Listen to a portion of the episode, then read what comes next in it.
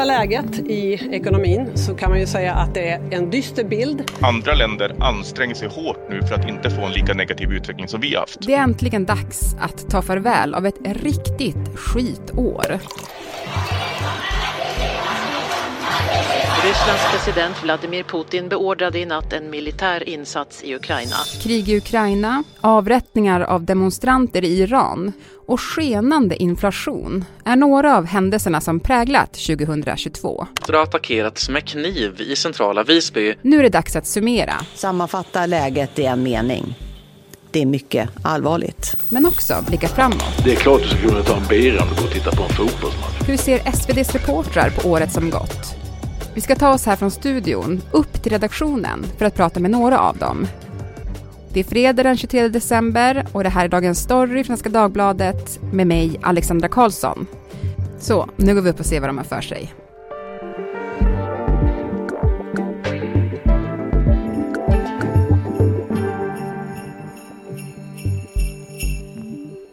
Vi ska börja med att söka upp Therese Larsson Hultin som är SVDs utrikesanalytiker och som har varit med väldigt mycket i podden på grund av det läge som har varit. Och hon brukar sitta i biblioteket, så vi ska försöka gå in och kolla om hon är här. Det står det tyst yta här, så jag ska gå lite tyst. Therese, hej. Jag törs knappt säga någonting här inne. Nej, här får man inte prata. Ska vi gå ut och prata lite? Absolut. Du, vi gjorde ju en podd den 24 februari när Ryssland hade inlett sitt anfallskrig mot Ukraina. Det gäller bara att ta in allting och försöka liksom förstå vad det är som händer nu. För det kommer ju så mycket information hela tiden. Eh, och det vi säger nu kanske är överspelat om ett par timmar, det vet man ju inte. Nej, verkligen. Vi spelar in det här på torsdag förmiddag ska vi säga. Och som du säger, det, det kommer uppgifter hela tiden. Vad är ditt starkaste minne från den dagen? Oh, men det var känslan i hela kroppen av att vi gick in i en ny era, en ny epok. Liksom att nu alltså krig i Europa. Uh, ja, jag blir alldeles tagen nu känner jag när jag tänker mig tillbaka den här dagen. Osäkerheten, liksom, att vi inte visste också. Liksom, stod vi inför ett nytt världskrig? Uh, det hade ju pratats länge om, så här, om att det var ett nytt kallt krig mellan USA och Kina. Och nu helt plötsligt var det Ryssland. Och det var något nytt. Innan invasionen så krävde ju Ryssland att Nato inte fick utvidgas. Alltså det var ju ett av deras krav då. Vågar man idag spekulera i vad som hade hänt om Nato hade gått med på det kravet? Ja, fast det gick ju inte, det går ju inte. För att det strider ju mot den europeiska säkerhetsordningen som ju säger att varje stat har rätt att bestämma sin egen säkerhetspolitik. Och det Ryssland gjorde den 17 december i fjol var att de gick ut med ett antal krav som då bland annat på att Ukraina och Georgien fick inte gå med i Nato. Det fick inte vara någon, någon som helst trupp eller vapen på liksom, i de östra Polen och de här nya NATO-länderna. Sverige och Finland fick inte lov att gå med i Nato. Och det är inte Ryssland som ska bestämma om vi går med i Nato eller inte, utan det är vi. Där Däremot så kan man spekulera i att borde vi ha tagit Putins oro eh, för Rysslands säkerhet på större allvar tidigare? Redan 2007 så stod han i München på en stor säkerhetskonferens där och liksom pratade om det här. Это, конечно, крайне опасно. И ведет к тому, что никто уже не чувствует себя в безопасности. Я хочу это подчеркнуть. Никто не чувствует себя в безопасности. Om du blickar mot 2023, alltså hur tror du att allt kommer utvecklas nästa år? Alltså tyvärr så kommer det nog att bli värre innan det möjligen blir bättre. Um, Zelensky, eh, Ukrainas president och den högsta militära ledningen uttalade sig i tidningen The Economist förra veckan i stora intervjuer.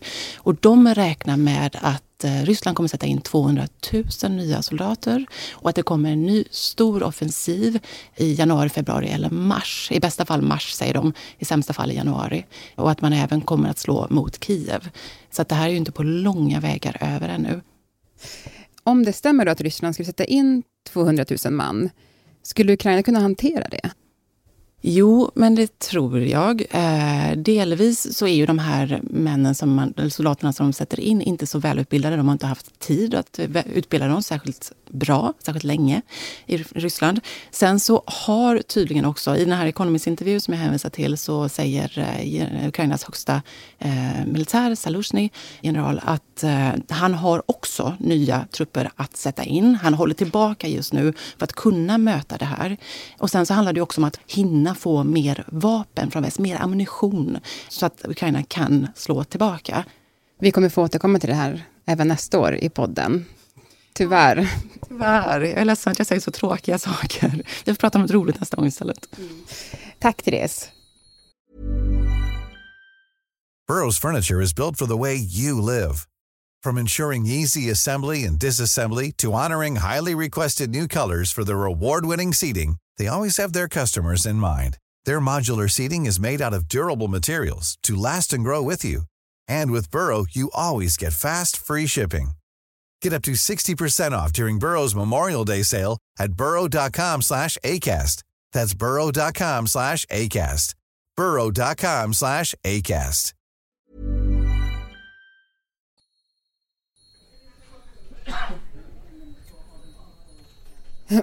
Men en annan sak som vi har pratat jättemycket om i år och lite som en direkt följd av kriget det är ju ekonomin och det ekonomiska läget. Och jag ska försöka hitta Johan Karlström som är ekonomireporter på SvD Näringsliv som kan allt om ekonomi. Och jag tror att han sitter i ett litet rum här som heter Hjälmaren. Jag tyckte att jag såg hans huvud, eller hans siluett, för man ser inte riktigt. Ja, men där står han och jag, jag knackar på bara, kollar. Han ser glad ut i alla fall. Tjena. Hallå Johan! Ja, vi kör!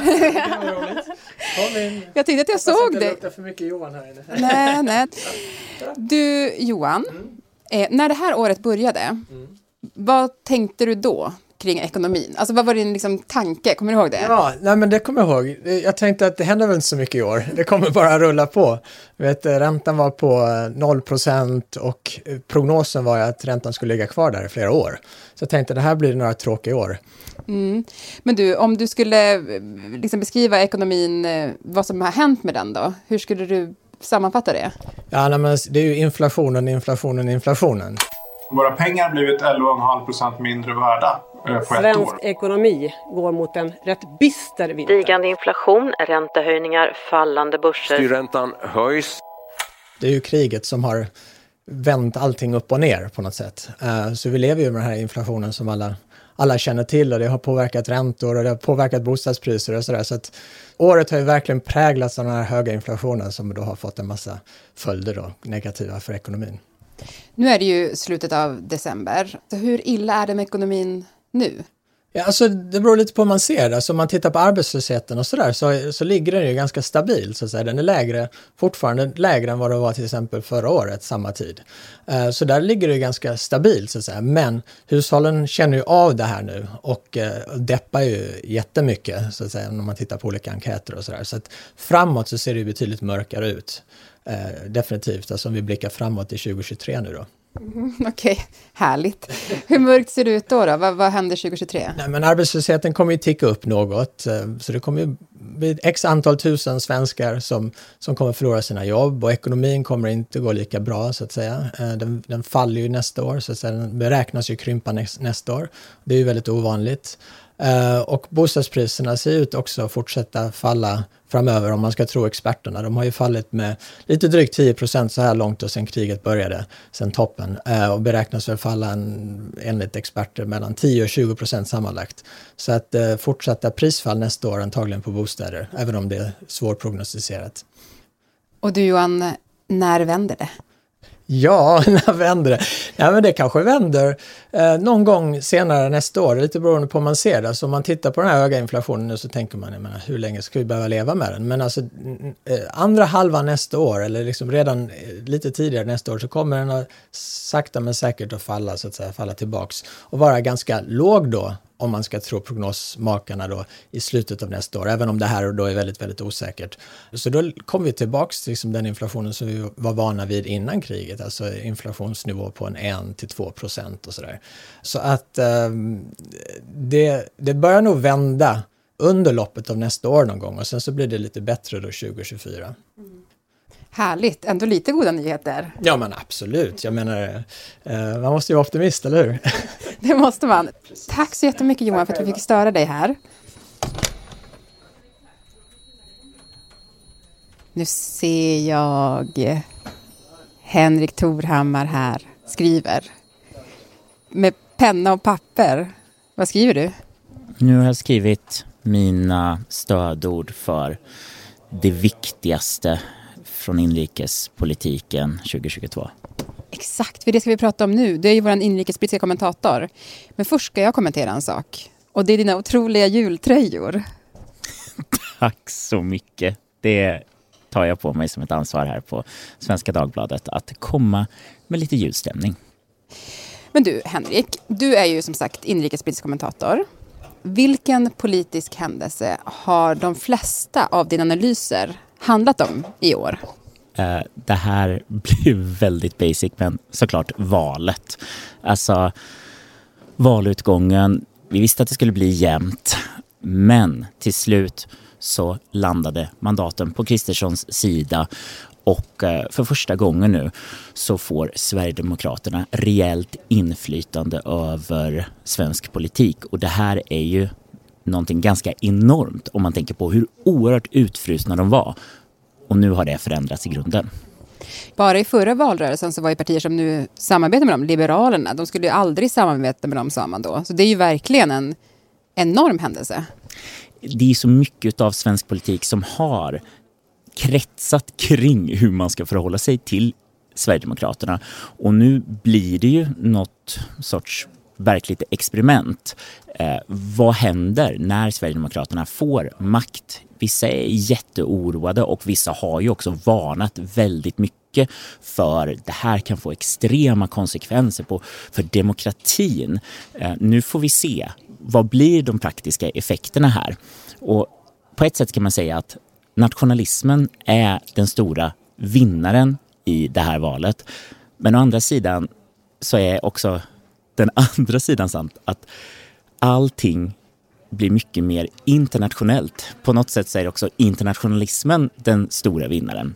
För vi har massa stora händelser som visar att en stat kan inte lösa saker ensam. När det blir krig i Europa Ukraina. Ja, Nato är ju också en gigantisk förändring som har skett här.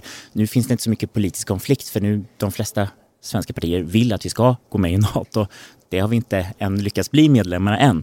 Eh, men även andra saker som kan också kopplas till Ukraina, elpriser, klimatfrågan och samma sak också med migrationen som på ett sätt kan man tänka sig nu kanske migrationsfrågan ändå är på ett sätt utlöst i svensk politik. SD får mycket av sin vilja igenom. Socialdemokraterna säger vi ska kanske inte ta så mycket fighter om migrationen. Men att migrationen ska ner på EUs miniminivå, vad betyder det i praktiken? Och att EU också håller på och förhandlar om hur man ska lösa migrationsfrågan. Och det är en fråga som kommer vara med när Sverige tar över ordförandeskapet nu vid årsskiftet men som förmodligen inte kommer lösas ut. Så återigen, så här, frågor som man tänker här har nog svenska väljare mycket åsikter men det kommer inte bara kunna lösas här utan det finns en till annan nivå. Men du, jag tänker, nu har ju det här eh, samarbetet eh, pågått ett tag. Hur tror du att det kommer se ut nästa år? Kommer det bli konfliktfyllt eller kommer det vara smärtfritt? Vad ser du framför dig 2023? Det kommer nog vara väldigt mycket högt tonläge. Det kommer finnas en opposition eh, som man trodde att Magdalena Andersson maktpartiet, att de, hon skulle tröttna på det här. Men hon verkar ju tycka väldigt mycket om att sätta åt regeringen, särskilt för vad hon menar är vallöftessveken.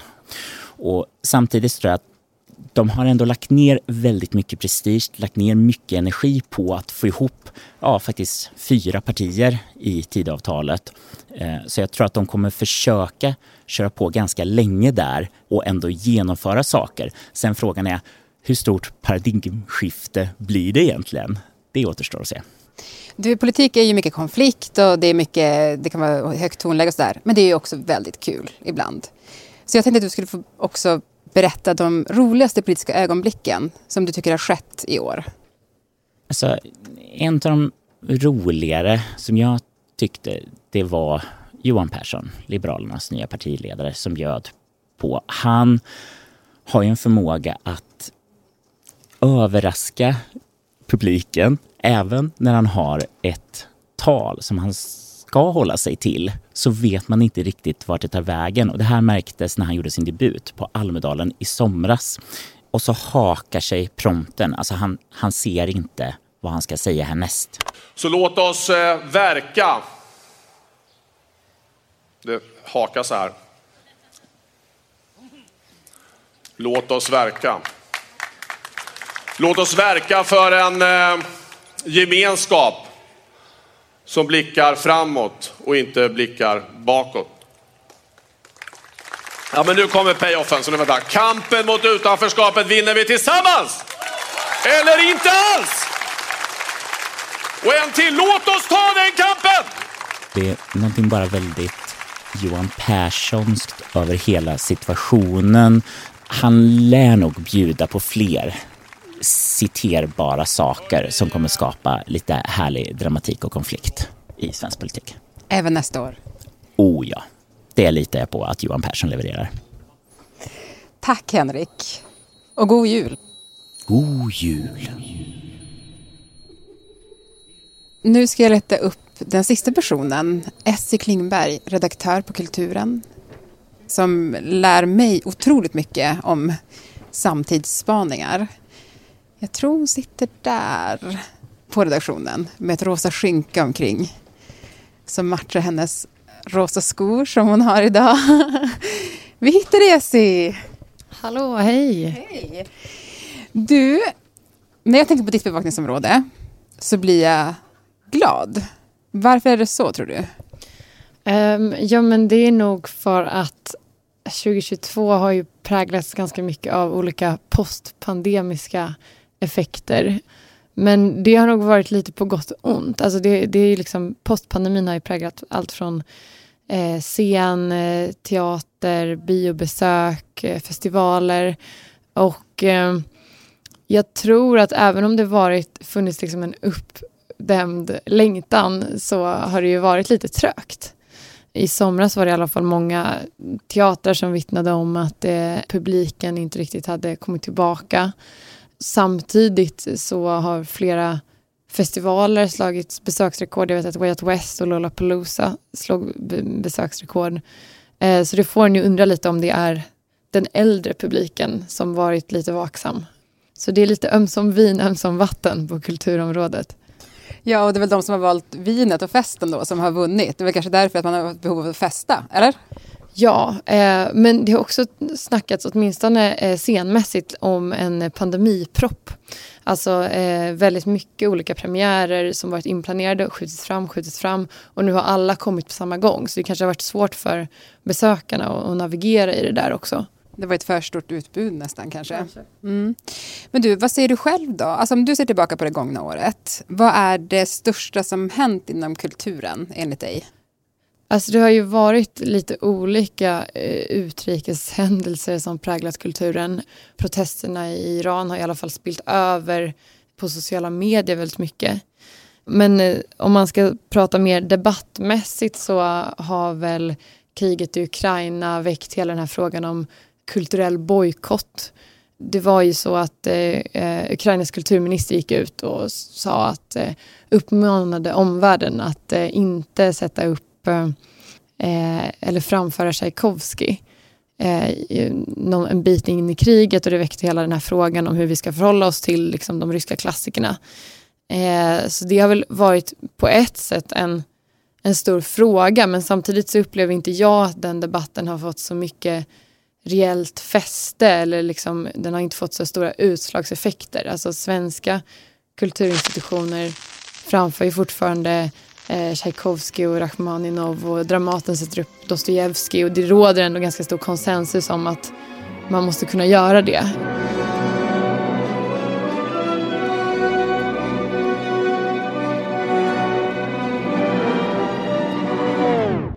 Men finns det någon händelse som, som du har varit på som, och där du har tänkt liksom oj, det här är ändå defining? Ja, alltså jag hade ett sånt aha moment eh, tidigare i höstas när jag var på eh, en konsert eh, med en, en typ rap-punkgrupp som heter Dekia Lem. Där jag var äldst, absolut, och alla som var där var 18 kanske. Och ehm, det var så kul att se för att det var så uppenbart att de inte hade varit på konsert men de var extremt taggade och väldigt glada och det var så, en sån symbios mellan liksom de här artisterna. Som, det var en av deras första spelningar liksom, men det var väldigt, väldigt eh, bra stämning. Och eh, jag hoppas att eh, det kan bli mer sånt nästa år.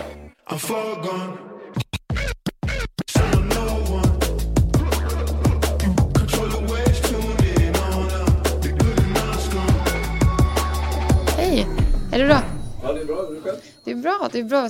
Spana lite. Nu spelar in. Ja. Det är ingen fara. Jag har precis spelat in på det. Ja, ja, jag ska inte störa mer. Hej då. Ivar Arp gick förbi. Yes. Här kan vad som helst hända.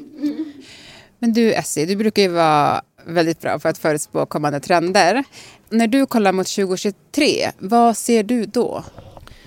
Ja, men en sak som jag har eh, tänkt mycket på är eh, den här stagnationen på sociala medier. Alltså jag tror att fler sociala medier kommer gå lite mer åt att vara som Facebook är nu. Alltså att det är en sorts...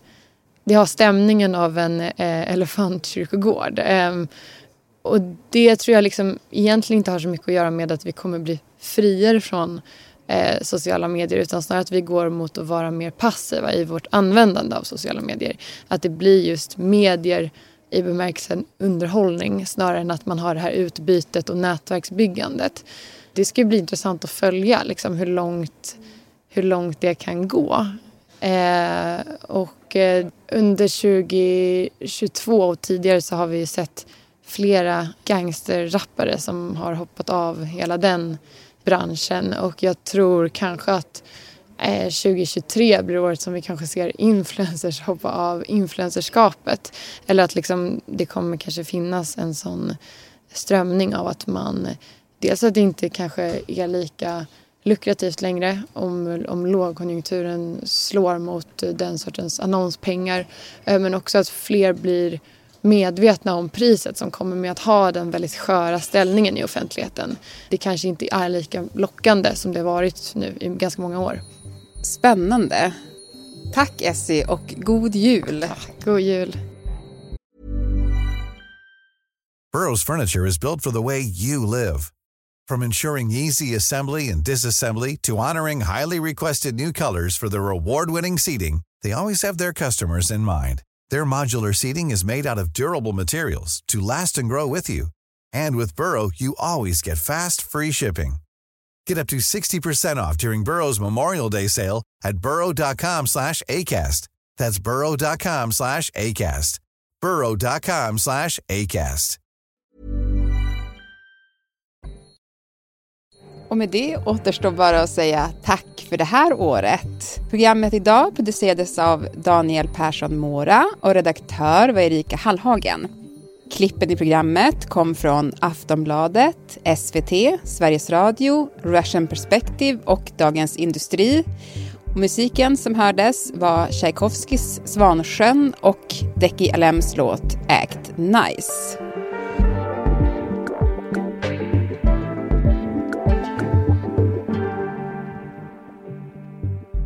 Vi är tillbaka igen den 9 januari nästa år.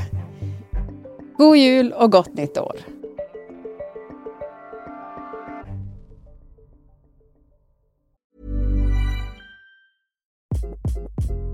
Hi, this is Craig Robinson from Ways to Win, and support for this podcast comes from Invesco QQQ, the official ETF of the NCAA. The future isn't scary. Not realizing its potential, however, could be. Just like on the recruiting trail, I've seen potential come in many forms as a coach. Learn more at Invesco.com slash QQQ. Let's rethink possibility. Invesco Distributors, Inc.